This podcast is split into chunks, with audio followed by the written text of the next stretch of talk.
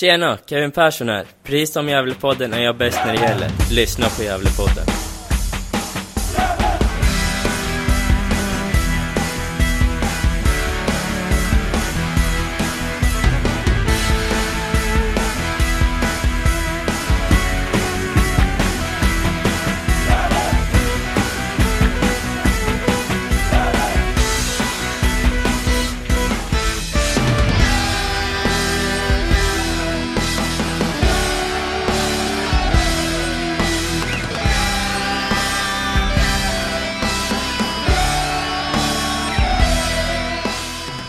Sådär, då hälsar jag er varmt välkomna till ett nytt avsnitt av Gällepodden.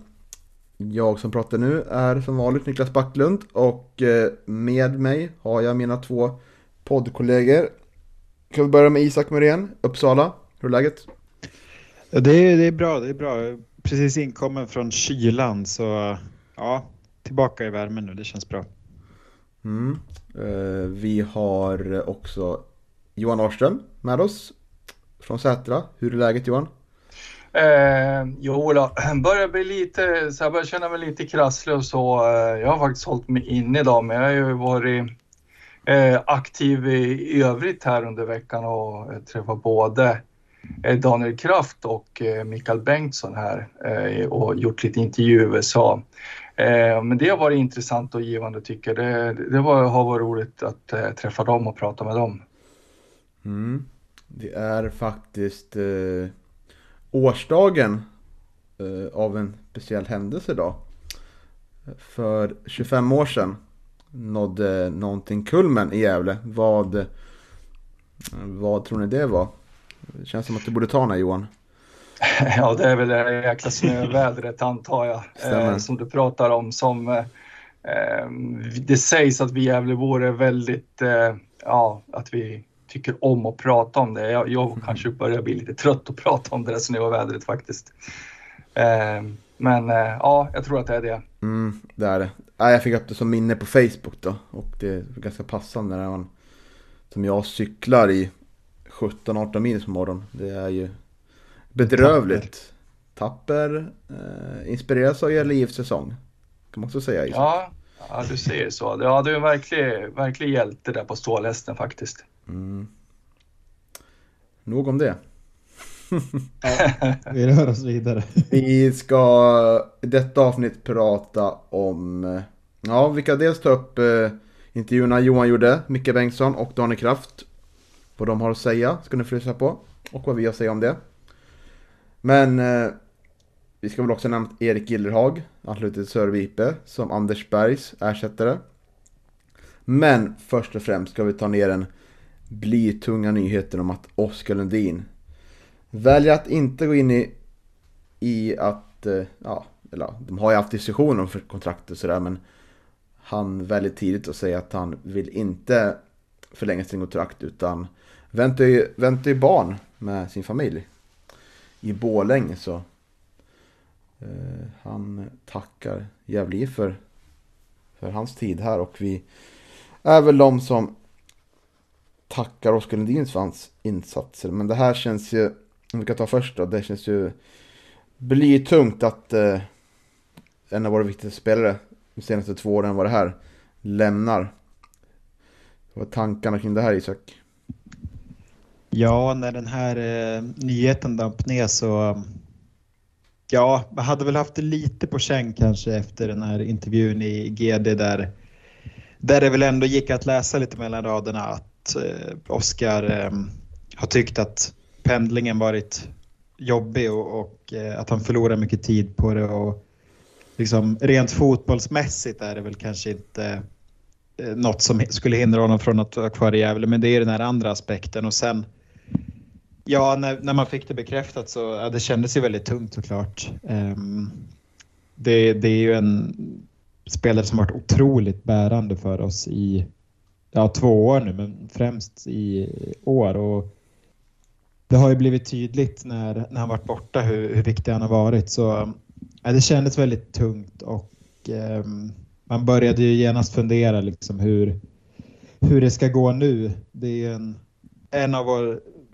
liksom, spelare i stommen så där, som försvinner och då då känns det ju genast som att det är en, en del av lagets identitet som försvinner också. Och det, det kommer bli svårt att ersätta, var väl min känsla eh, direkt. Sådär. Ja, det är väl så. Man har ju full eh, respekt för, för Oskars beslut naturligtvis. Eh, familjen ska ju eh, alltid gå först och det, det, det, är ju ett eh, stort steg i livet att bli föräldrar för första gången och sådär. Och eh, eh jag förstår att, eh, att det inte blir hållbart att vara borta eh, så mycket Eh, när, man, när man har en nyfödd och så. Så att eh, eh, det är ju inte bara bortamatcherna som sagt utan det är ju även även allt det här pendlat, pendlandet som man har, som man har fått gjort de här två åren. Så att, eh, nej, men full respekt för, för, för hans beslut, absolut. Eh, mm. Sen är det naturligtvis tungt, eh, hans Oskars Oscars betydelse som du är inne på, på Isak, det är ju, eh, ja det har ju varit, det har ju varit stort så att säga. Eh, och eh, ja, det ska bli intressant att se vad Micke kan eh, vaska fram eh, för ersättare här nu. Mm. Ja, jag börjar tänka på... Det är, nog, det är, väl, det är ju lätt, eh, och det är ju, vad kan jag säga, hans betydelse två senaste åren eh, går inte att eh, eh, underskatta alls, utan det är ju verkligen en av nyckelspelarna tycker att vi kan ta steget upp till superettan. Vi kan komma ihåg hur det här mittfältet såg ut innan Oskar Lundin kom ut. Det var ju mm, väldigt höga toppar med långa djupa dalar tycker jag. Så det var, vi pratade mycket om det i podden. Hur ska vi formera det här mittfältet? Hur ska vi få en slags trygghet? Eh, men det som är intressant är hur, hur kommer Oskar Lundins eftermäle bli? Hur kommer vi prata om honom om 5-10 år? Hur kommer vi, högt kommer vi ranka honom? Eh, och jag tror att vi kommer ändå ranka honom ganska högt. För att eh, vi har liksom inte haft jättemånga framstående defensiva mittfältare som varit bra offensivt också tycker jag. Utan det är ju Voxlin såklart. Som man kommer flest tänka på. Eh, och andra storhet som Johannes Eriksson exempelvis.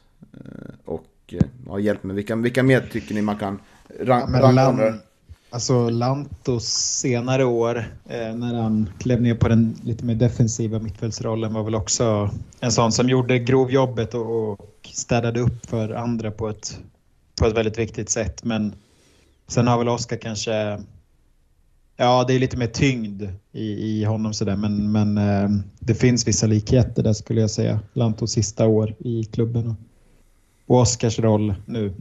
Mm, jag kastade in Josef Chipsa också i, i diskussionerna. Eh, och också otroligt be betydelsefull under ett par säsonger på, på centrala mittfältet. Ja, det är stora namn. Så det, det, är, så det är en, absolut, jag håller med dig Niklas. Mm, ja, äh, det kommer bli saknad Oskar om du lyssnar. Vi håller dig högt och eh, får se var, var du tar vägen nu. Det verkar inte som på intervjun med dagblad, att det, att det kanske det verkar inte vara självklart att det blir med fotboll. Det verkar inte vara prio ett, han har inte fått något anbud vad han säger själv. Men eh, som jag sa förra veckan, du kunde inte få honom ett dugg om Brage med ny tränarstab längre i ett förslag. Då, så. Och det skulle passa bättre i, i, i staden han är fostrad i. Så. Ja, men på något sätt känns det ju lite skönt om man säger så. Det är ju det är inte på fotbollsmässiga grunder han lämnar sig där utan det är ju man har ju en... Eh, det, går liksom inte att på något sätt eh, klandra Oskar. Det är ju fullt förståeligt att han vill ha det närmare och det är ju på sätt och vis skönt att det liksom inte är någon annan klubb som går in och plockar sådär. Eh, men ehm, ja, och, också att det, han, han är ju väldigt tacksam för de åren han haft i Gävle verkar det som enligt intervjuerna och det det verkar ju som att man ändå... Han ville ju sköta det snyggt med liksom att, att redan tidigt ge besked för att klubben ska kunna jobba eh, vidare med en ersättare. Så det är ändå en... Även om det är ett viktigt, en viktig spelare som försvinner och ett stort tapp så, så är det ju ändå på ett sätt som, som man eh, har full respekt för och förståelse. Liksom. Så det, det känns ju ändå bra och kul att han ska bli pappa, att de, att de ska få eh, tillökning i familjen. Det, får man gratulera till också. Verkligen. Vad tror ni om eh, eh, ersättare då? Eh, jag skulle vilja säga att rent fotbollsmässigt och rent, så kanske det inte blir så svårt att eh, ersätta honom. Men, men frågan är ju, kan man hitta någon med, med den karaktären och de ledaregenskaperna som ändå Oskar eh, visar på plan? Svårt att säga. Alltså, eh, det, det blir i alla fall väldigt tydligt att det kommer vara mycket plockar in spelare som är väldigt eh, trogna och eh, vill utvecklas. Så, eh, Eh, så jag tror att eh, han kan nog hitta, hitta något liknande namn tror jag. Men det blir, den spelare som kommer in får ju ackla ett väldigt stort ansvar från början och väldigt stor press på sig. Eftersom vi inte har någon annan spelare i den här truppen som kan fylla Oskars skor. Eh, inte så i närheten i alla fall. Eh, om man inte skulle bygga om systemet hur man spelar helt och man kanske skulle spela med tre mittfältare centrala för att minimera risken där. Eh, det skulle kunna bli aktuellt om man verkligen inte hittar någon eh, riktigt bra ersättare. Eh, men det lät ju som på intervjun på GD där att Micke hade något namn på gång så vi får se var det landar. Men jag har inget namn sådär spontant som man tänker på. Nej, men jag tror att, att eh, Micke kommer hitta någon som, som ersätter Oskar på ett bra sätt. Sen kommer det bli kännbart. Eh, men just att, att hitta liksom en precis likadan spelartyp. Uppenbarligen så har det ju varit svårt tidigare med tanke på att det var länge sedan som du sa Niklas, som vi hade ett sånt här mittfält. Så det, det kommer inte gå smärtfritt och det kommer säkert vara, alltså att hitta en central mittfältare är ändå som ska passa in, det är ju navet i vårt sätt att spela. Så det, det kommer ju krävas mycket och det kommer absolut krävas att det blir rätt. Eh, och det är ju inte en rekrytering man kan slarva med utan det, är, det här måste vara, göras grundligt och eh, bli helt rätt, både spelare och karaktär. Ehm, min, ja, jag har väl lite en känsla av att det kanske skulle kunna vara så att York får flytta upp och spela på en innermittfältsposition kanske. Eh, som, som ett tänkbart alternativ. Eh, men, men det beror väl helt på vilka spelartyper man får in sen också. Mm. Men eh, vi rör oss vidare tycker jag. Och eh, jag vill tipsa om vår vän Jimmy Morén. Som är en ivrig twittrare. Han har ju en GIF-djurkalender nu på just Twitter, eller X, vad man vill säga. Och där har bland annat Lucket, var Anders Berg som har jobbat på nere på Sörby IP. Som, ja, lite som ungdomsansvarig. Och eh, apropå det så har ju Erik Illerhag eh, blivit ny ungdomsansvarig från och med eh, första mars. Eh, bakgrund som eh, engelska lärare på Polensskolan senast. Har även varit eh, journalist på nyhetstidningarna här i stan. Så det är väl världsett namn. Eh, är ungdomsledare sedan tidigare. Gävle P08. Som är ganska flitiga på Instagram. Så det är nog den ungdomslaget som är mest flitiga. Så det är kul att se. Eh, så det är väl kul att eh, äntligen få in en ersättare för Anders Berg som har dragit stort last där och jobbat eh, mer än han kanske vill jobba för med titeln ersättare känns som. Lite tankar kring detta Johan? Nej, men det är inte mer än att det precis som du säger, det är ju, det är ju bra att man, man får in ett ett namn och en ersättare för Anders Berg som har dragit tungt klass där uppe på Sörby IP själv. Så att, eh, mer, än, eh, mer än det eh, så, så har jag inte att säga om det.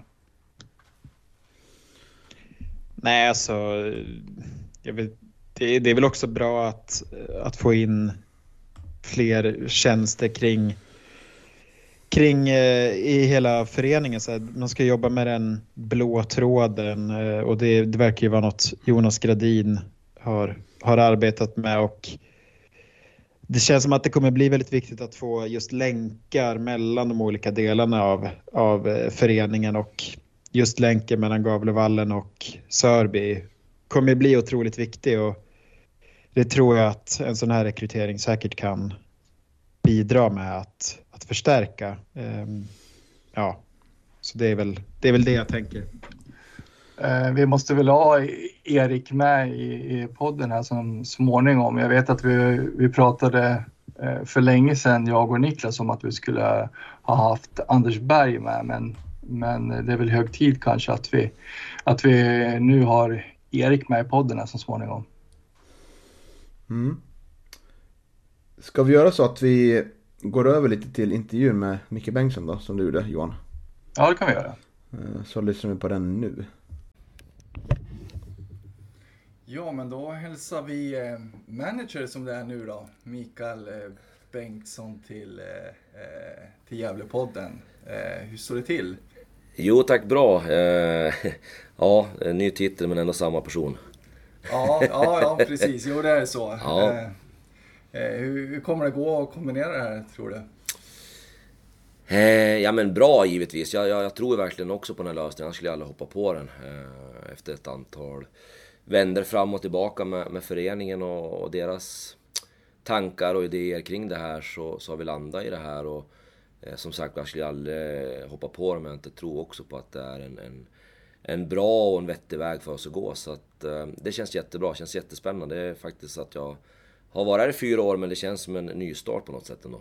Mm, spännande. Vad, vad är visionen då? Eh, för dig så att säga? Vad vill du uppnå nu som, som manager? Mm. Alltså, tränande manager? Ja, ja. precis. Eh, nej men jag, jag tänker att eh, jag, jag, vill liksom, nu har man fått vara här de här fyra åren och såklart givetvis eh, fått vara i, i division 1 där jag också jobbade då som, Eh, man får väl kalla det ungefär som samma roll på sätt och vis. Men, men vi hade lite mindre resurser, eh, vilket var självklart. Och, och allt vad det innebar. Men nu, nu har vi tagit oss hit och med den här rollen jag har nu och, och det jag vill, eller vi vill bygga är ju att såklart givetvis göra en klart mycket starkare sportslig organisation. Eh, och jag tror, vi tror att det här blir en väldigt bra väg med det sättet att vi får en som är väldigt, väldigt nära sporten som samtidigt kan jobba direkt mot styrelse Eh, och för, liksom minska den transportsträckan om jag uttrycker det så. Eh, och jag känner ju att jag kommer vilja vara väldigt närvarande med, med laget, kring laget och, och driva laget också. Så, att, eh, så den kontakten kommer jag också bli lite närmare förhoppningsvis från spelargrupp till, till den sportsliga ledningen så att säga. Eh, så att det som är viktigt är att vi, vi verkligen ser till att jobbar och utökar vår sportsliga organisation så att vi får ihop alla delar som vi behöver göra för att göra vårt jobb så bra som möjligt. Mm. Du, jag fastnade vid en eh, sak som du sa i en intervju med Gefle Dagblad här när Sundsvallsspelarna kom på tal.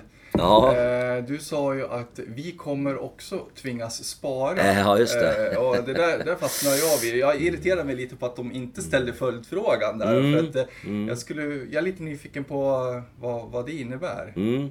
Ja, det, vet du vad, jag är faktiskt glad att du tog upp det. För jag, jag vill nog faktiskt dementera det. Lite grann på det sättet av att det var... Eh, äh, jag ska inte säga klumpig kommentar, men lite skämtsamt faktiskt. Att vi har ju liksom någonstans under många år i Gävle IF hela tiden fått höra vi måste spara, vi måste spara, vi måste spara. Eh, och nu är det liksom någonstans det ett lag då som har haft ja, både sportligt höga ambitioner och en väldigt hög budget börjar uttrycka att vi måste spara. Så tyckte jag det var lite kul av att okej, okay, ja, vi måste ju alltid spara som Gävle IF. Eh, men det skulle jag nog som sagt var inte säga i en intervju av vad kommer vi göra nästa år. Eh, vi kommer försöka satsa.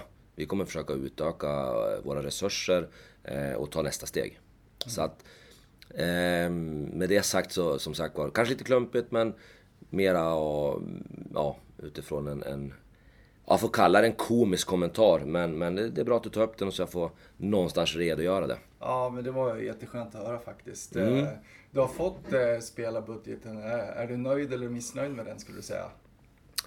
Eh, jag skulle nog säga att jag... Eh, alltså nöjd kommer man kanske aldrig bli, jag vet inte. Eh, man kanske inte ska vara det men jag tycker vi gör en, en, en, en, lit, vi gör en liten ökning. Eh, sen är det så att det innefattar inte bara att det måste vara en ökning i spelarbudget utan det är, den totala budgeten på herr.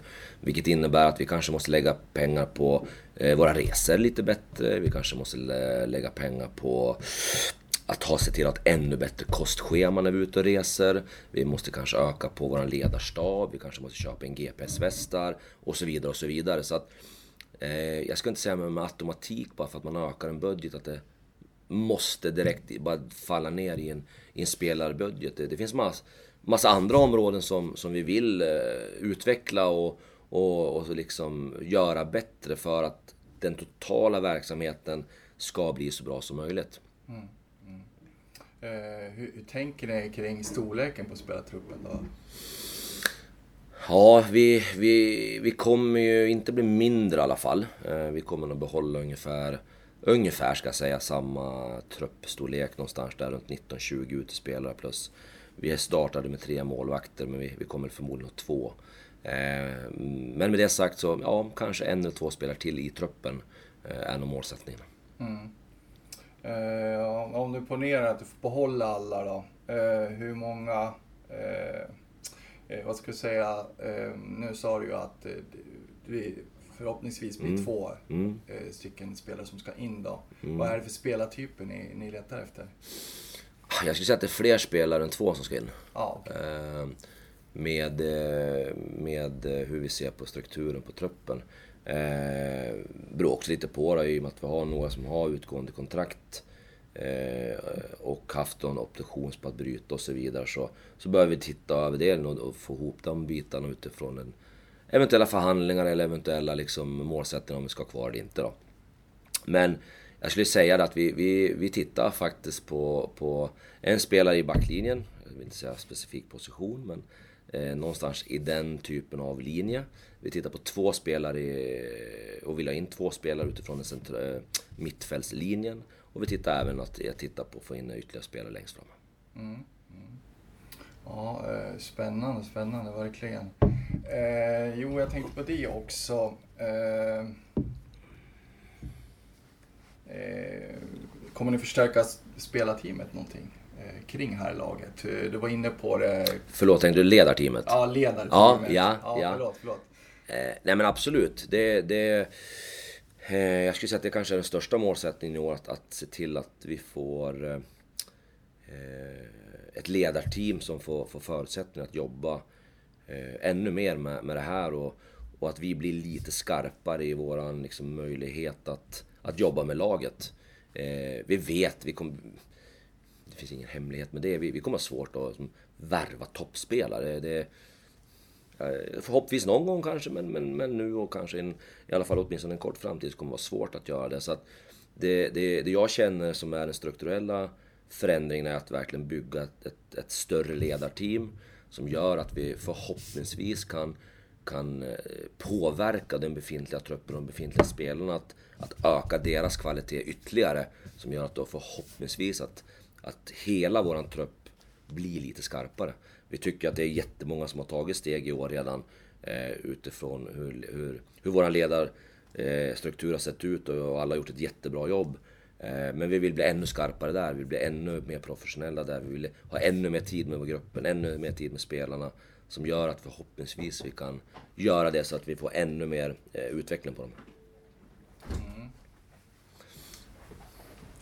Ja, Eh, jag tänkte på det också. Eh, vi var inne på det lite tidigare.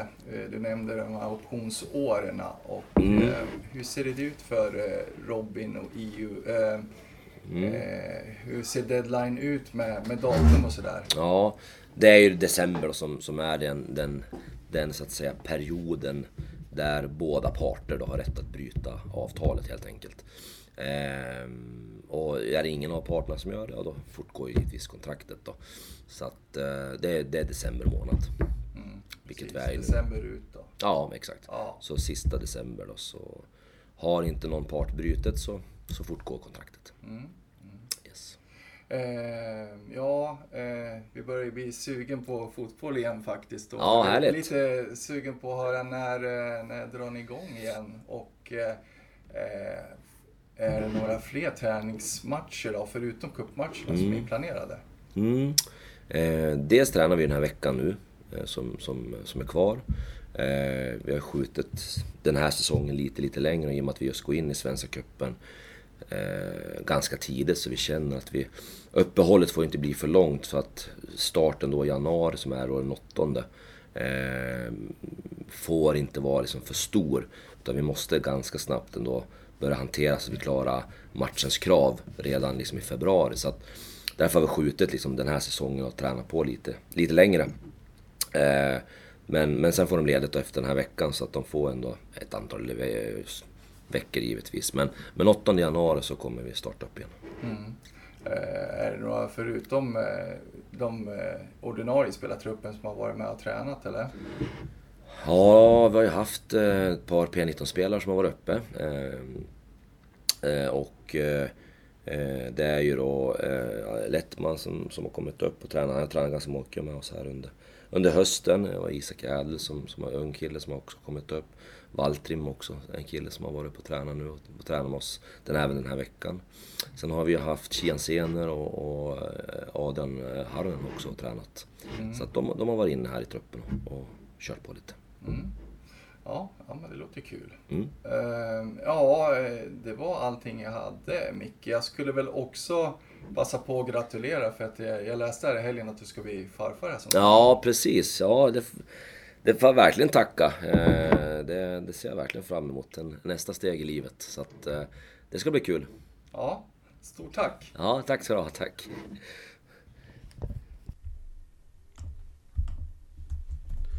Det var en eh, trevlig intervju du gjorde Johan. Ja, man tackar för det. Ja, kul att du också... Det brukar mest vara jag som tjötar med Micke, så det var kul att du tog, tog dig tid att ta dig från Sätra till annan del av Sätra.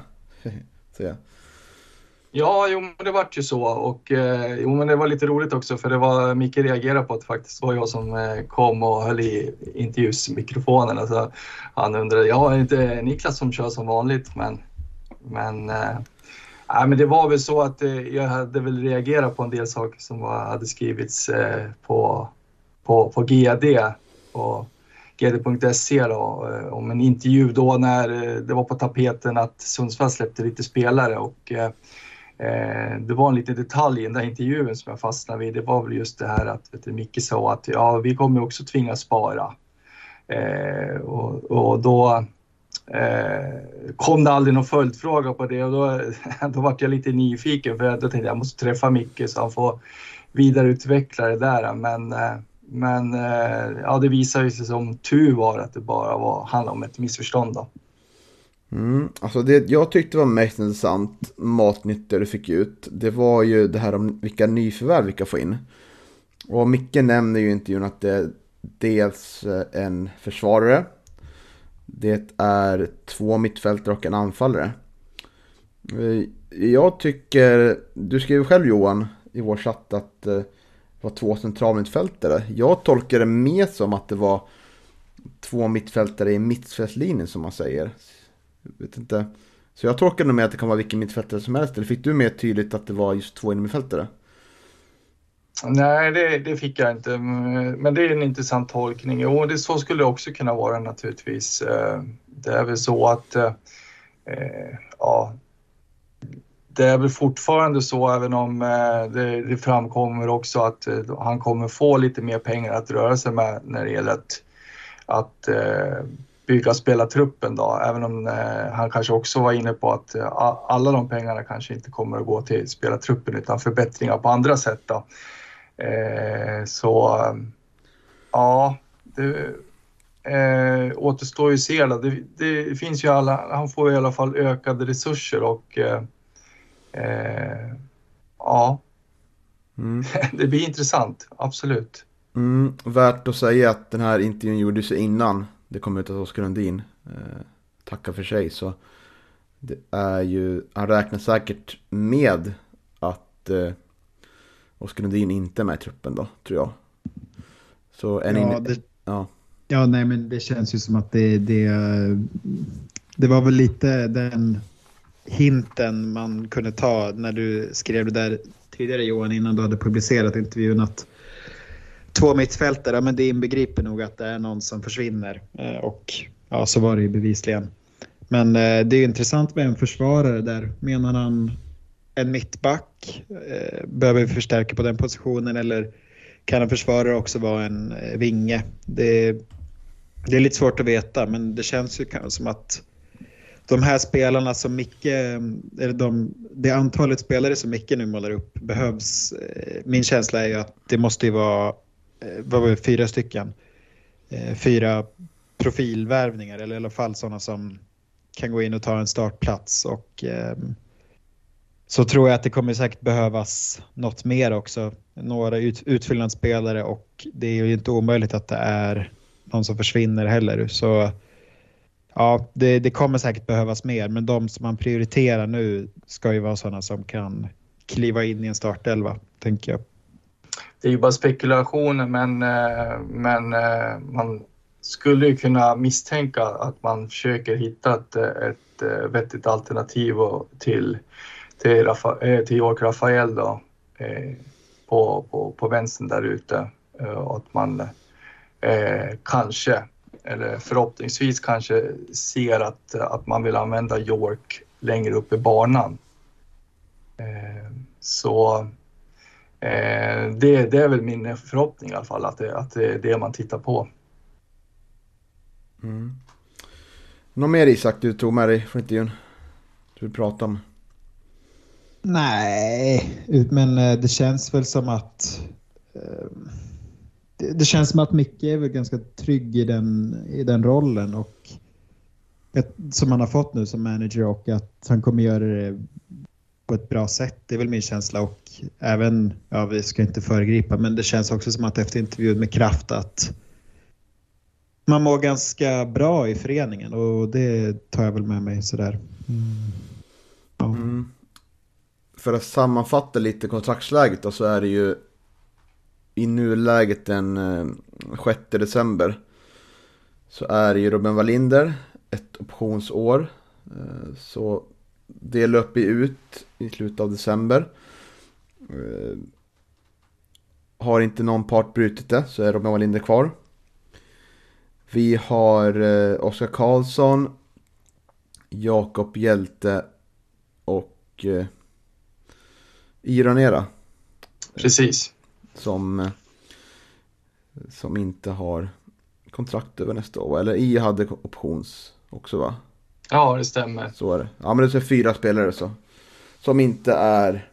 Som är lite oklart kring. Sen kan det komma bud på de andra spelarna men... Eh, vi får se om det dyker upp någonting under kommande veckor. En liten julklapp kanske. Ja, men det skulle vara fint. Nog om det, vi rör oss vidare och då kan ni få lyssna på intervjun Johan gjorde med Daniel Kraft. Ja men eh, då hälsar vi eh, klubbchef blir det ju.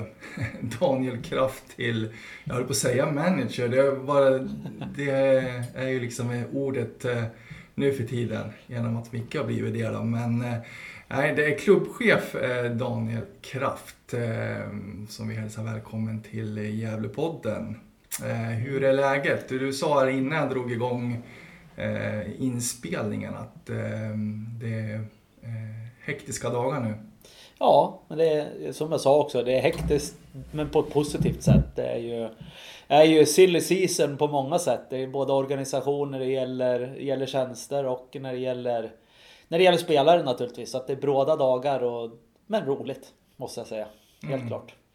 Ja, sen är det mycket kring ekonomin också förstår jag. Eh, vet du, licenserna är ju land nu. Ehm, skulle du kunna vara lite tydligare hur eh, situationen ser ut? Mm. Nu Absolut. för klubben och så. Behöver vi vara oroliga som supportrar eller hur ser det ut egentligen?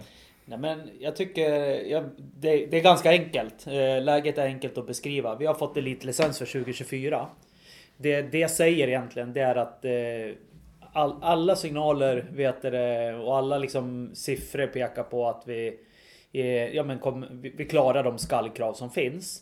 Det, det många kanske glömmer när man hör det, det är att vid årsskiftet är det ju den stora kollen. Då kollar man om vi har ett positivt kapital eller inte. Eh, och där vill jag vara tydlig mot alla Gävle-fans att som prognosen pekar nu så kommer vi ha eliminerat hela det underskottet som fanns på en och en halv miljon. Det innebär ett positivt resultat också på en och en halv miljon för 2023. Och det har ju varit den stora balansakten under den här säsongen. Att ja, men gasa sportsligt så att vi klarar superettan-kontraktet. Eh, samtidigt gasa och få intäktsflöde så att vi, vi kan eh, göra ett ordentligt plusresultat. Och ändå liksom hålla emot på kostnadssidan också så att inte det skenar. Så att, jag tror inte folk förstår den bedriften den här organisationen har, har bedrivit den här säsongen. Att vi, att vi ser ut att få runt det. Mm. Mm. Vad, är, vad är det, skulle du säga, som har gjort att, eh, att ni ändå kan visa så fina siffror nu då? Men jag tycker för det första så är det ju alla människor runt omkring som jobbar med olika ansvar i föreningen som har tagit stort ansvar.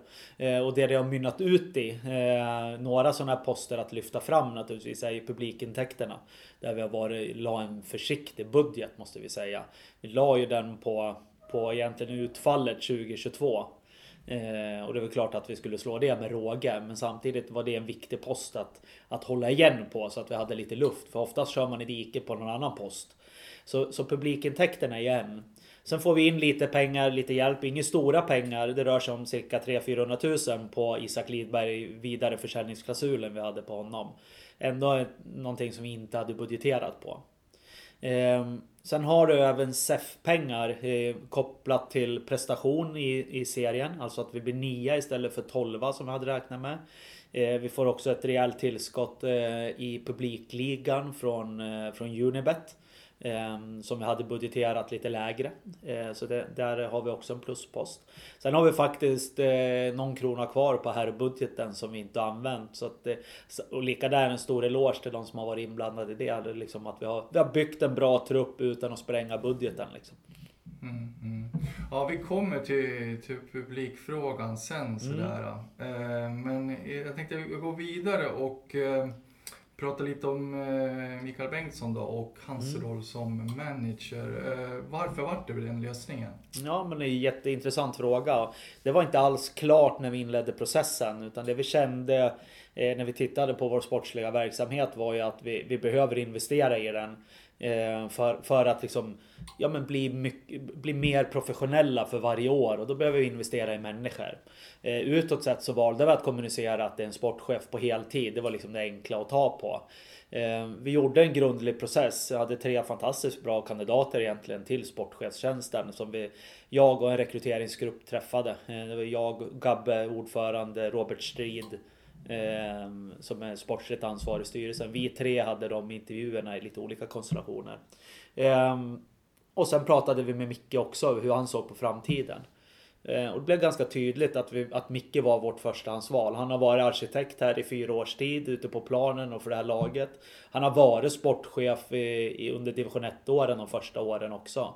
Eh, så att eh, vi kände det att ja men han utvecklas hela tiden och vi känner att han har utvecklat vår sportsliga organisation och spelet och laget varje år. Och då kändes det konstigt att inte låta han fortsätta styra den här skutan.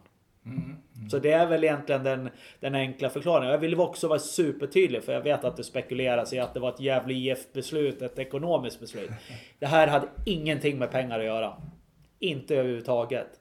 Sen kanske någon krona billigare om du adderar ihop. Utan nu handlar det egentligen om att göra att Micke fick den här rollen. Nu ska vi bygga en organisation runt omkring honom som gör att vi kan lyfta det sportsliga. Alltså bli ännu proffsigare ute på plan. Och det behöver ju han, behöver ju han eh, resurser till att, att göra naturligtvis. Mm.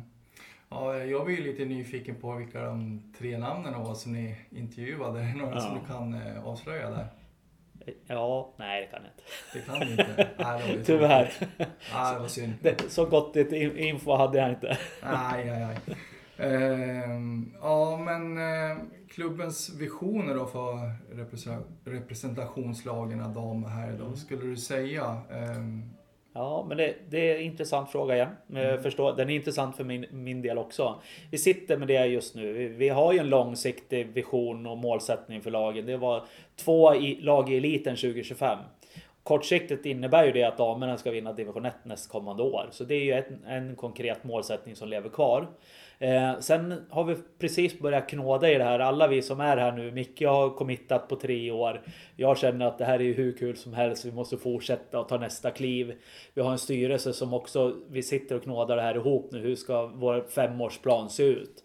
Så att eh, ja, jag har ingen riktigt fin julklapp och kan berätta den nu, men eh, jag kan eh, intyga om att vi, vi är inte nöjda utan vi vill fortsätta att tävla. Sen får vi se hur vi bryter ner det över en femårsperiod och så får vi lov att återkomma med, med kommunikation hur den kommer se ut helt enkelt. Men ni kan vara lugna för att vi inte sitter nöjda i båten i alla fall. Nej men det låter ju bra. Sen är det väl så också att det, det är lite krokigare väg för damerna att ta sig till eliten än vad jämfört med herrarna tyvärr? Eh, ja, både ja och nej. Rent sportsligt är det ju ganska enkelt. Det räcker att vinna division 1. Ja. Sen kommer det ställa ganska tuffa krav på organisationen att, att snurra runt ett damelit eller elitettan-lag helt enkelt. Och det är någonting, några diskussioner som vi för i klubbledningen. Att hur ska vi göra det och hur ska planen se ut i sådana fall? Och det, precis som att vi, vi inte var riktigt förberedda på superettan-spel så tror jag att vi kommer hantera det bra också. Mm. Eh, vad kommer Micke få röra med sig? Ja, vilken budget kommer han få röra sig med eh, mm. till nästa år? Då? Eh, det är lite tidigt att säga. Jag kan inte säga belopp. Det enda jag kan säga det är lite felaktigt. Micke hade slant med tungan och sa att vi skulle spara pengar till nästa år. Och jag vet att det har blivit någon tråd på något forum någonstans om det. Jag kan intyga om att vi ska inte spara pengar nästa år utan vi kommer investera i budgeten E-, egentligen på de flesta verksamhetsområden inklusive herrlagen naturligtvis. Eh, liksom det här, in, när vi gick in i året så hade vi 1,1 miljon i budgeterat plusresultat. Eh, det behöver vi inte budgetera nästa år, så redan där har vi ju Ja men säg att vi har 700 000, att 700 000 till att använda in i verksamheten. Och naturligtvis ska vi eh, försöka öka omsättningen också så frigör lite kapital att investera i verksamheten ytterligare. Så att, eh, vi, vi kommer att investera i verksamheten och Micke kommer ha en större budget eh, nästkommande år. Mm. Mm. Ja, jag tror att jag som är skyldig till att ha startat den där tråden ja, faktiskt. Om, om, eh, ja, men det blir så när man läser någonting i tidningen ja. och så, så, så, kommer det ingen följdfråga på det och då blir man lite orolig. Ja, ska, ska det sparas nu liksom? Men... Jag vet, det där var ju i samband med att Sundsvall gick ut med att de skulle spara 4,5 miljoner på herrtruppen och då hade väl Micke stått upp bredvid Hägerborn och sagt ja men i Gävle sparar vi alltid pengar också. Eh, och, ja, han, han, har väl dementerat det på något sätt nu och det kan jag också förstärka då att det, det är tvärtom. Vi kommer investera i budgeten till nästkommande år. Och sen är det som alltid. Jag, jag vill vara tydlig med det också att ja, men jämför våran budget som vi hade i år kontra många av våra konkurrenter så ligger vi fortfarande långt efter. Och ska vi bli hållbara sportsligt och ta nästa kliv och verkligen bli ett starkt superettanlag. Då måste vi täppa till det för, för över tid är pengarna viktigt kan inte be att, att sporten överpresterar kopplat eh, i korrelation till budget hela tiden. Utan vi, vi behöver stärka budgeten för att, att det ska bli hållbart över tid. Mm. Så att vi kommer ju vara extremt, vi måste vara, varje investerad krona måste vara bra hitrate på liksom, om man säger. Effektivt helt enkelt. Mm. Mm. Ja, jag tänkte på det också. Marcus Larsson och, och damerna, mm. kommer de också eh, märka att det är godare tider? Eller? Ja, absolut, de kommer också få en, en ökning på sin budget. Eh, det, det, det följer ju med naturligtvis. Eh, så det, det, går hand i hand med att, att vi kan förstärka budgeten för herrarna. Mm. Annars rimmar det inte mot mål, de mål vi har satt. Nej, nej. Sen blir det ju annat. Där är ju mer att stärka förutsättningarna liksom hela tiden. Vi pratar ju inte spelarlöner för det, där är vi inte riktigt än på damsidan. Utan det är mer att stärka förutsättningarna för dem att tävla på högsta nivå. Mm. Mm. Ja, lite sidospår. Jag reagerar också på det att det stod just att Sundsvall skulle spara alla de där pengarna. Mm. Att de kanske skulle tvingas eh, vet du, jobba på, på deltid också. Eh, eh, ja, de, de förutsättningarna finns ju redan här. Så att, ja. ja. Jag, jag, har respekt för Sundsvalls situation. Jag tror att alla som, nu var inte jag med i Gävle IF under den tiden under degraderingarna men men det är tufft att krympa en budget och få sämre förutsättningar varje år. Det är lättare den resan vi är inne på att varje år kunna göra saker lite och lite bättre. Och liksom anpassa oss till en bättre vardag. Eh, så att jag har, jag har respekt. Det är inget lätt eh, det är inte lätt att få stopp på blödningen om man säger så. Nej, nej, det är kanske svårt att hitta rätt nivå också. För att, eh... Ja, och det är gamla kontrakt som lever kvar från allsvenska tiden och intäkterna minskar drastiskt. Och det, då blir det svårt att få runt en budget. Ja. Det mm. förstår jag. Mm. Eh, om vi blickar lite framåt, vet du när spelschemat ska släppas för 2024? Eh, det var ju släppt eh, vet du, så här års förra året. Men... Var det det? Det var min minnesbild. Jag kommer faktiskt inte ihåg det. Men jag har för mig att det brukar komma. Ja, om det kommer i slutet av december, början januari där någonstans. Eh, det är allsvenskan ska sättas först. Ah. Sen sätts superettan i alla fall vet jag. Ah, okay. Ja, vi vet spelperioder och så vet vi med datum för uppehåll och liknande. Det har kommit men inte, inte spelschemat. Det, nej okej, och vet du, det finns ett startdatum för Superettan eller? Det gör det säkert. Pre premiär ja. ja, jag, jag har inte memorerat in jag, det. Jag får gräva fram det själv. jag, jag står och gräver här och nu så jäkla mycket nu varje dag. Så att, men, men det blir ju där i början av april. Ja, ja. ja precis. Mm. Och, och säsongsbiljetterna släpps i någonstans ja, kring... Nu, ja. typ. Det är, det är lite som alltid. Vi hade ambition att släppa dem i fredags. Men ja, biljettsystem eh, CRM-system, all, lite tekniska detaljer som, som strular till det lite för oss. Men det är på G. Mm, mm. Precis, jo exakt. Det är väl många som kanske vill ha en, en säsongsbiljett i julklapp om inte annat. Exakt. Jajamän. Ja, eh, kommer det vara någon eh, specialdrive sådär i början eller? Ja, men det kommer vara ett litet erbjudande nu under, under december månad. Ja, mm. ja spännande. Eh, jag eh, tänkte på matcharrangemangen och nu kommer vi lite till den här mm. publikfrågan. Eh, I somras så fick ju fansen fylla i en enkät från Obos och Superettan mm. om vad vi tycker om arenaupplevelsen. Mm. Supportrarna som besöker Gavlevallen. Eh, vad visar den? Har ni mm. fått de resultaten eller? Vi har fått resultaten. Jag har ugnat igenom den än så länge. Jag har inte gått in på djupet på den. Ehm, det är ömsom vin, ömsom vatten. Ehm, på stora delar tycker man att arenan är en bra fotbollsarena. Det, det tror jag vi alla skriver under på. Där det finns förutsättningar att göra bra publikarrangemang. Jag tror en kombination med våra resurser eh, och den nivån vi har varit på så, så släpar det lite grann kopplat till eh, ja, men faciliteter, kiosker, utbud, servicenivå och så vidare. Där vi behöver titta, när, liksom, titta för att få det prof mer professionellt helt enkelt. Eh, också lite kring arrangemang efterlyses. Eh, att, man, att det händer mer saker inne på arenan. Och det absolut, jag är den första att skriva under på att vi, vi har bara påbörjat en resa där. Och tittar vi liksom potentialen för klubben framåt så skulle jag vilja säga att, att matcharrangemangen och fylla läktarna är en prioriterad fråga. Eh, som vi kommer jobba med successivt hela tiden. Mm.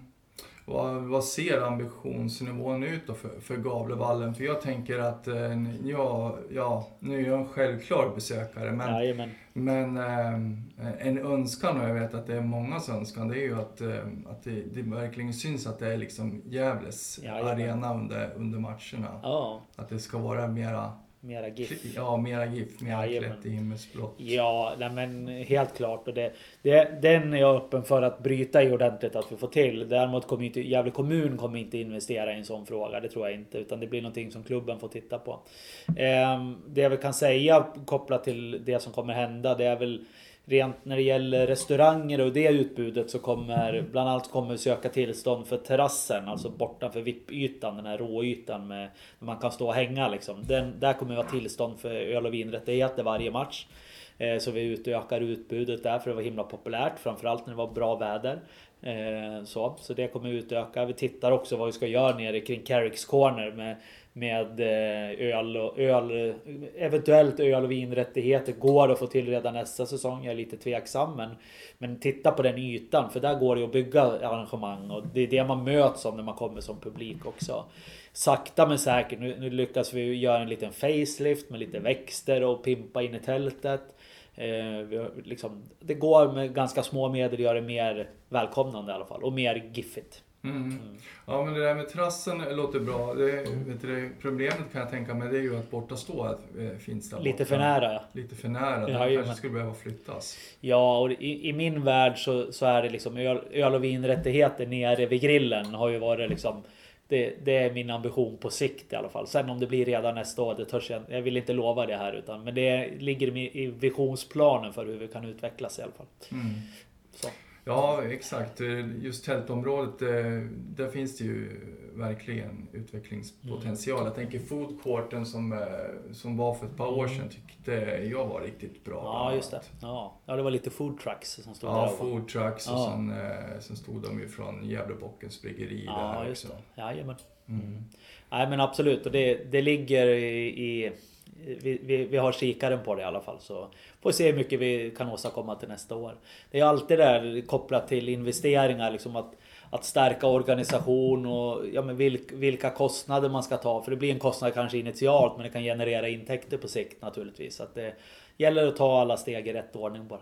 Mm, mm. Eh, jag har ju fått eh, ganska mycket hjälp faktiskt som jag också måste nämna i intervjun här från eh, ett nickname på forumet eh, som han kallar sig för Sörby IP. Ja.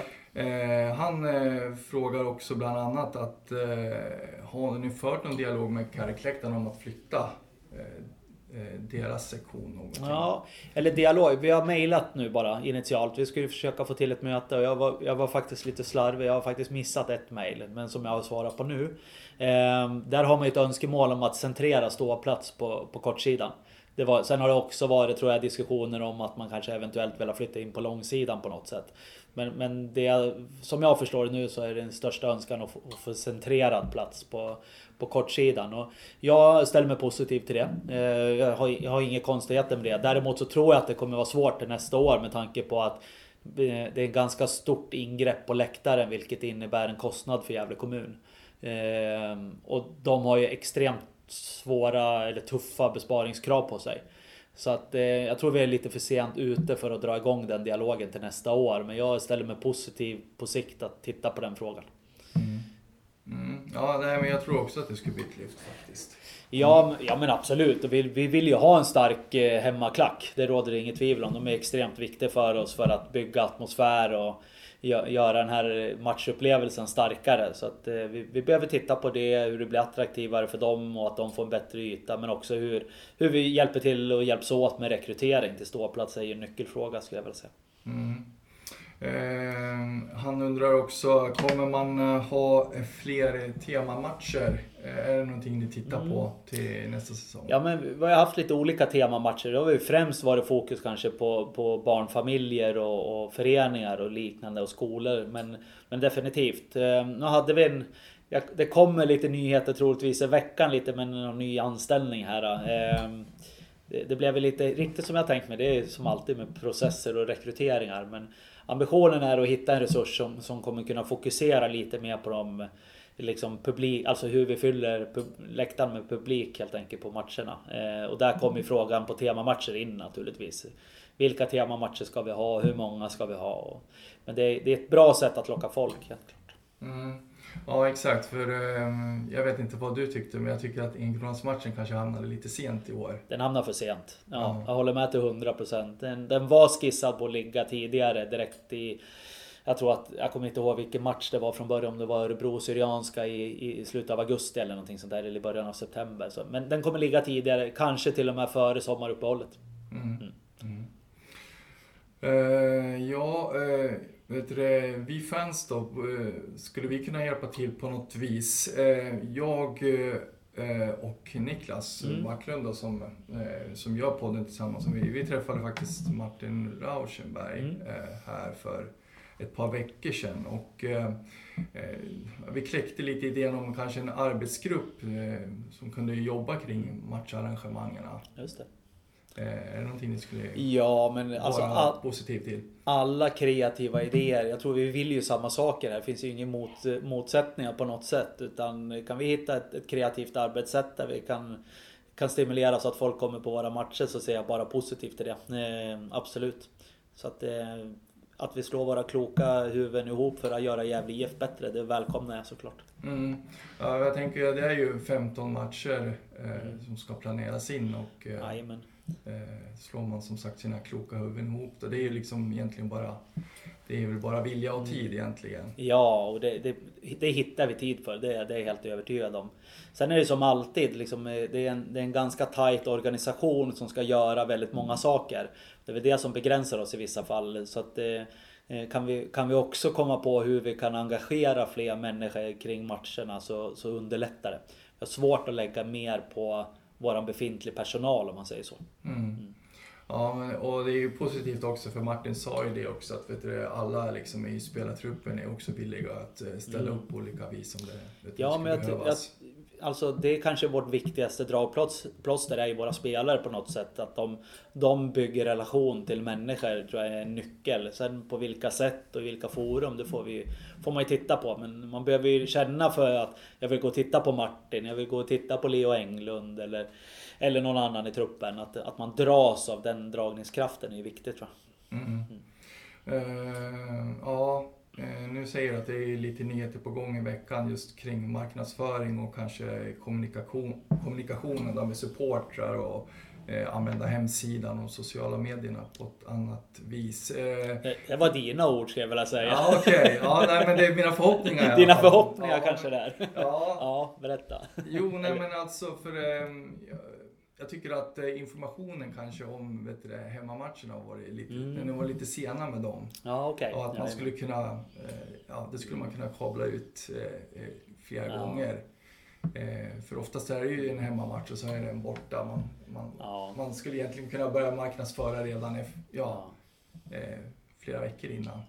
Ehm, ja, både ja och nej skulle jag vilja säga. Jag, jag tycker vi har ju, man får ju fråga sig vad som, vad som kommer först. Men vi har ju ett köpbeteende som vi behöver komma åt som, som behöver börja tidigare. Det håller jag med om fullt ut. Sen hur vi tar oss dit och hur vi attraherar folk att köpa köpa för, förköpsbiljetter. Det är ju våran utmaning skulle jag vilja säga. Väldigt många av våra åskådare köper biljetterna matchdag. Och man väntar och tittar vad det är för väder ute och så vidare innan man bestämmer sig om man ska gå på match. Så där har vi en utmaning att öka incitamentet till att köpa förköpsbiljetter och det, det tittar vi på nu och, och eh, kommer vara en, en lite större differens mellan priset på matchdag kontra förköp. Bland annat. Eh, så det, det, det återkommer vi inom kort med, med den nyheten. Ja, det är ju ett fascinerande du, beteende faktiskt mm. med, med fotbollspubliken ja. i Gävle faktiskt. För, ja, jag kan ju tycka att det är ganska skönt att nu hade ju jag säsongsbiljett ja. i och för sig men de flesta av er fans har väl det men... Ja, så det är ju lättare liksom att kliva, mm. kliva in på ett annat vis. Jajamän.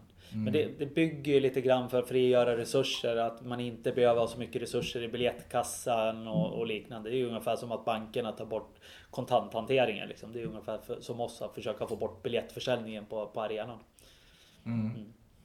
Ja, en annan sak som vi är nyfiken på det är ju merchen och shoppen. Mm. Eh, kommer ni göra något eh, med shoppen och, och merchen 2024? Liksom, eh, eh, jag vet att det är många som efterlyser en facelift där. Eh, mm. Eh, kanske, kanske liksom lite merch för, för, för yngre människor. Jajamän. Ja, men det, vi, vi kommer försöka öka det successivt. Frågan kopplat till merchandise skulle jag främst vilja säga. Vi, jag ville inte låsa upp för mycket kapital och investera i för mycket produkter när jag inte visste vart ekonomin tog vägen. Vi hade ett bassortiment som var dåligt skulle jag vilja säga. Vi försökte piffa till det med lite produkter till den här säsongen. Jag, jag skulle vilja säga att det är en trestegsraket innan vi känner att vi är på en bra nivå. Så att vi, vi kommer ta ett kliv nästa år. Kommer bli lite nya produkter. Eh, och så får vi jobba vidare och bygga det successivt helt enkelt. Men, men det är ingen fråga vi inte jobbar med utan vi, vi kommer fortsätta utveckla det. Mm. Ja precis, då har jag fått lagt mina önskelistor i alla fall. Ja. Ja. Även om man börjar bli gubbe så kanske man vill känna sig ung. Ja men absolut, det vill vi väl alla. Ja, ehm, ja eh, nu har jag bara faktiskt en fråga kvar då. Ja. Och det är min eh, poddkollega Niklas som, eh, som har en fråga och det gäller match, förra årets eh, matchtröjor. Kommer de komma ut på eh, Tradera på auktion? Eller? Ja men just det, ja men det, det kommer de nog göra. Eh, vi har inte riktigt datumsatt det men eh, vi, vi kommer sälja en del av dem, absolut. Ja, härligt. Ja. Det, det låter ja. fint. Och där, när vi är inne på den, då ska du ju ställa frågan om nästa års matchtröja, hur, hur processen går till. Ja, absolut. Du får gärna berätta mer om den. Nej, men det, det kommer ju ske en, en del detaljförändringar. Vi kommer ju fortsätta naturligtvis med, med den himmelsblå tröjan.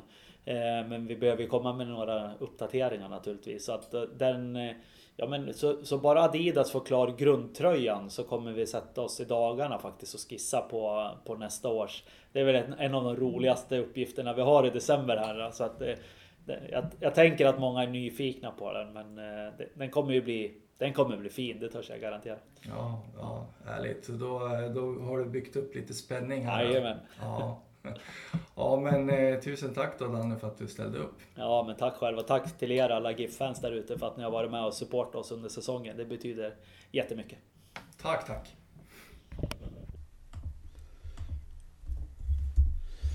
Eh, fin intervju återigen Johan tycker jag. Vad har dina tankar gått efter den här intervjun? Något du har fastnat på? Eh, Nej, inte sådär väldigt mycket men, eh, ja, men det, var, det var en rolig intressant intervju och det är precis som, som Isak säger att eh, man, man får ju ändå känslan av att det är ett, en eh, klubb som mår mycket bättre nu.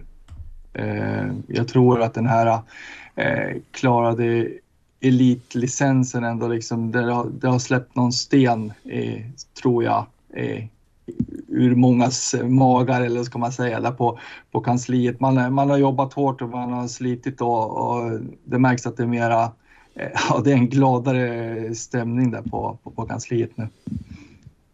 Och att vi lyckats sudda ut, eller ja, vi har klarat det negativa kapitalet och har väl ett plus nu till och med. Eh, och det, ja, det är det som är kravet för elitlicens. Men bara det är ju en väldigt positiv nyhet. Alltså det är ett väldigt stort jobb man gjort. Med, det var väl en och en halv miljon som man behövde jobba in och att ha det i hamn och dessutom gå på plussidan nu efter den här säsongen, det är ju väldigt bra jobbat. Så ja, det tar jag verkligen med mig att klubben står kanske inte liksom bra rent ekonomiskt så det finns alltid mer att göra men, men det finns en stabilitet och det ska väl det är skönt att inte behöva vara orolig för eh, elitlicens. Nu kan ju mycket hända till nästa år men eh, det, det, det ger ju en stabil grund och förutsättningar att bygga vidare på det sportsliga och ja, men allt runt omkring föreningen nu i Superettan och jag tror att man var nog tvungen att ha det här året och landa innan det blir möjligt att liksom bygga vidare. För hade man försökt satsa allt för mycket, allt för brett till första året i Superettan så hade det nog blivit ett för stort gap mellan ettan. Så det känns som att man, man har vetat vad man har gjort och man har gjort det på rätt sätt eh, nu inför, eller under återkomsten till Superettan. Så ja, det är glädjande. Mm. Det enda som egentligen eh, gjorde mig lite förbryllad, det är ju, och det här har ju vi varit inne på i podden tidigare också, det är ju publiksiffrorna. Det känns ändå som att man hade kunnat gjort lite mer med, med dem. Nu kändes det som att man, man var nöjd att man klarade det här uppsatta målet och kanske inte så mycket mer, men, men eh, det, fanns ändå en förhoppning tycker jag och då efter premiären och det, jag tycker att det fanns eh, jag tycker att klubben hade chans liksom att, eh, att rida lite på den vågen från premiären när det ändå kom över 3000 personer. Eh, eh, lite hjälp av, av eh, bortaståren naturligtvis som, som, som, fick upp siffrorna lite grann men, men ändå, det var ju en det var en fin inramning och det, det var fint drag både på Kärrikläktaren och, och, och liksom i, på, på arenan i stort tycker jag, eh, som överraskade mig. Och, eh, tyvärr så satt ju inte det riktigt eh, standarden liksom för resten av säsongen. Det, det var en del felbeslut och det, det var väl, erkände väl Daniel också, bland annat den här Nedkronas matchen som, eh, som eh, lades alldeles för sent på säsongen och sådär. Så, att, eh, mm. Eh, så, så, det var väl en sak som jag reagerade på att, eh, att eh, jag tycker att man ja, man, man liksom ändå var nöjd med, med publiksiffrorna. Jag tycker väl att, att det skulle kunna ha blivit lite bättre.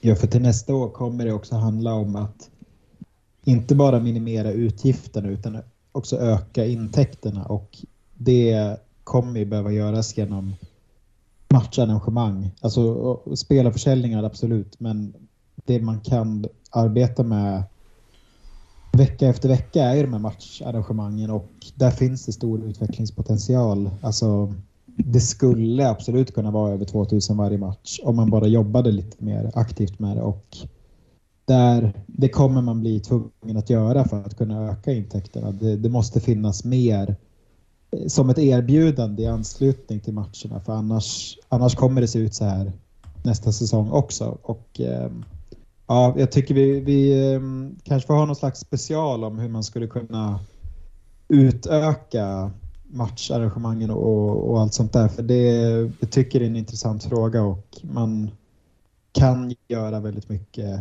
och behöver göra väldigt mycket. För där tycker jag att klubben släpar efter ganska mycket. Det är ju 15 matcher som ska planeras. Jag tycker ju att varje, egentligen om varje match hemma ska det vara någon slags typ av eh, tema på, på arenan. Jag tycker ändå inte att eh, eh finns viljan så, så, tror jag nog att man, eh, man hittar tid liksom att eh, planera eh, för någonting och se till att det blir, blir någonting uppe på arenan, att det händer någonting. Ja, för det behöver ju inte vara hoppborg och, och clown utan det, det kan ju vara Alltså bara att ha straffsparkstävling för barn i halvtid eh, gör ju att ja, men då hänger ju föräldrar till de barnen med och så, blir det, så skapar man positiva upplevelser på arenan för de barnen och familjerna och helt plötsligt har det lockat 20-25 nya besökare på en match. Liksom. Och, och sånt där kommer ju bli viktigt känner jag. Och där, där kan man ju integrera Sörby ännu mer med, med Gavlevallen just i matcharrangemangen. Mm. Och det stundar också ett, eh, ett derby nästa år och liksom en mm. idé det är ju att eh, ja, alla liksom under, under 16 exempelvis eller upp till 16 har, har liksom eh, fri entré till, till, till exempelvis under derbyt mm. och så. Sådär. Så att, så att det, det blir en fin eh, inramning på, på, på hemmastå och vet du, sådär. Så det, det, det, finns ju mycket att göra. Eh, mm.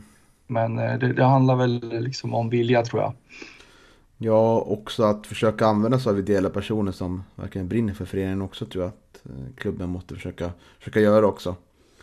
Eh, så det inte bara handlar på kanslifolket utan det handlar på folk runt om mm. föreningen också. Absolut. Mm, ja, spännande. Bra surr. Märkligt för övrigt att trafflängderna har försvunnit helt. Det måste vara något när vi åkte ur Superettan till Chandå och inte kommit tillbaka riktigt. Ja, för det var ju ändå en, en höjdpunkt. Höjdpunkt är väl att ta i, Det var ingen höjdpunkt, eller var det därför det gick ah. Nej, men roligt var det ju ändå. Nu, alltså halvtidspauserna nu är ju väldigt trötta. Man spelar ju samma, det är samma spellista. Det är alltid samma låtar i varje halvtidspaus. Det händer ingenting. Det hade ju kunnat byggas lite mer. Men höjdpunkt kanske var att ta i. Mm. Ja, Den stora bollen. Var, hade man inte en sån? Sumoboll? Ja, som man rullade. Eller är det bara något jag fått för mig? Nej, ja, det är ingenting jag kommer ihåg i alla fall. Nej, det var på Strömvallen, men det kanske är jag som var. Ja. Ja, eh, vet du, sen så bjöd ju eh, Daniel Kraft också på, på en liten cliffhanger när det gäller nya matchtröjan. Vad, vad tror ni om den då? Ja, det är väl Sandviks nya logga som ska in i det. Säkert så. Ja. Eh, jag tror att det är den enda justeringen. alltså. Nej, det är väl någonting mer. Men... Ja, jag vet inte. Vad tror du Johan? Eh, nej, jag vet inte faktiskt. Eh, jag skulle önska mig kanske något mörkare nyans av det himmelsblå om jag fick, eh, fick liksom önska någonting så här rakt ut. Eh, mm. Den är otroligt fin som den är men jag tror att den skulle bli bli ännu finare om den himmelsblå färgen var lite mörkare. Större efternamn och eh, kanske ett broderat emblem. Ja, faktiskt. Mm. Mycket bra där Isak. Mm, tack. Ja, härligt. Det ska bli kul med att det kommer ut på Tradera också. Alltså man kan köpa ett exemplar av en matchtröja. Det har jag... Tog inte hem någon förra året. Nu tänkte jag nu ska jag försöka gå all in här och ta hem en matchtröja. Mm. Grymt taggad ändå. Ja, men känslan är väl att, eh, att eh, det kan bli lite större summor på de här tröjorna, eller vad tror ni? Oskar Lundins tröja kommer nog ha stort värde tror jag. Verkligen. Absolut. Eh, men ja, jag har min taktik klar. Så det kommer bli ett tight race som vissa spelare kan jag bara säga. Mm, verkligen. Mm. Jag och Isak kommer att vet du, buda på samma tröja. Capotondis. Ja. Får ja, du på dig den? Nej, men jag har en kusin som fyller 12 här snart. Ja. ja. Det blir hårt. Ja, det är bra Johan. Ja. Men eh, ska vi säga att vi nöjer oss för denna vecka då? Eh, jag tänker på att det blir ganska långt där med intervjuer och allt möjligt. Ja. Det kan vi göra. Mm. Så mm. tackar vi er lyssnare för att ni är med oss. Och så syns och hörs vi nästa vecka igen. Grabbar.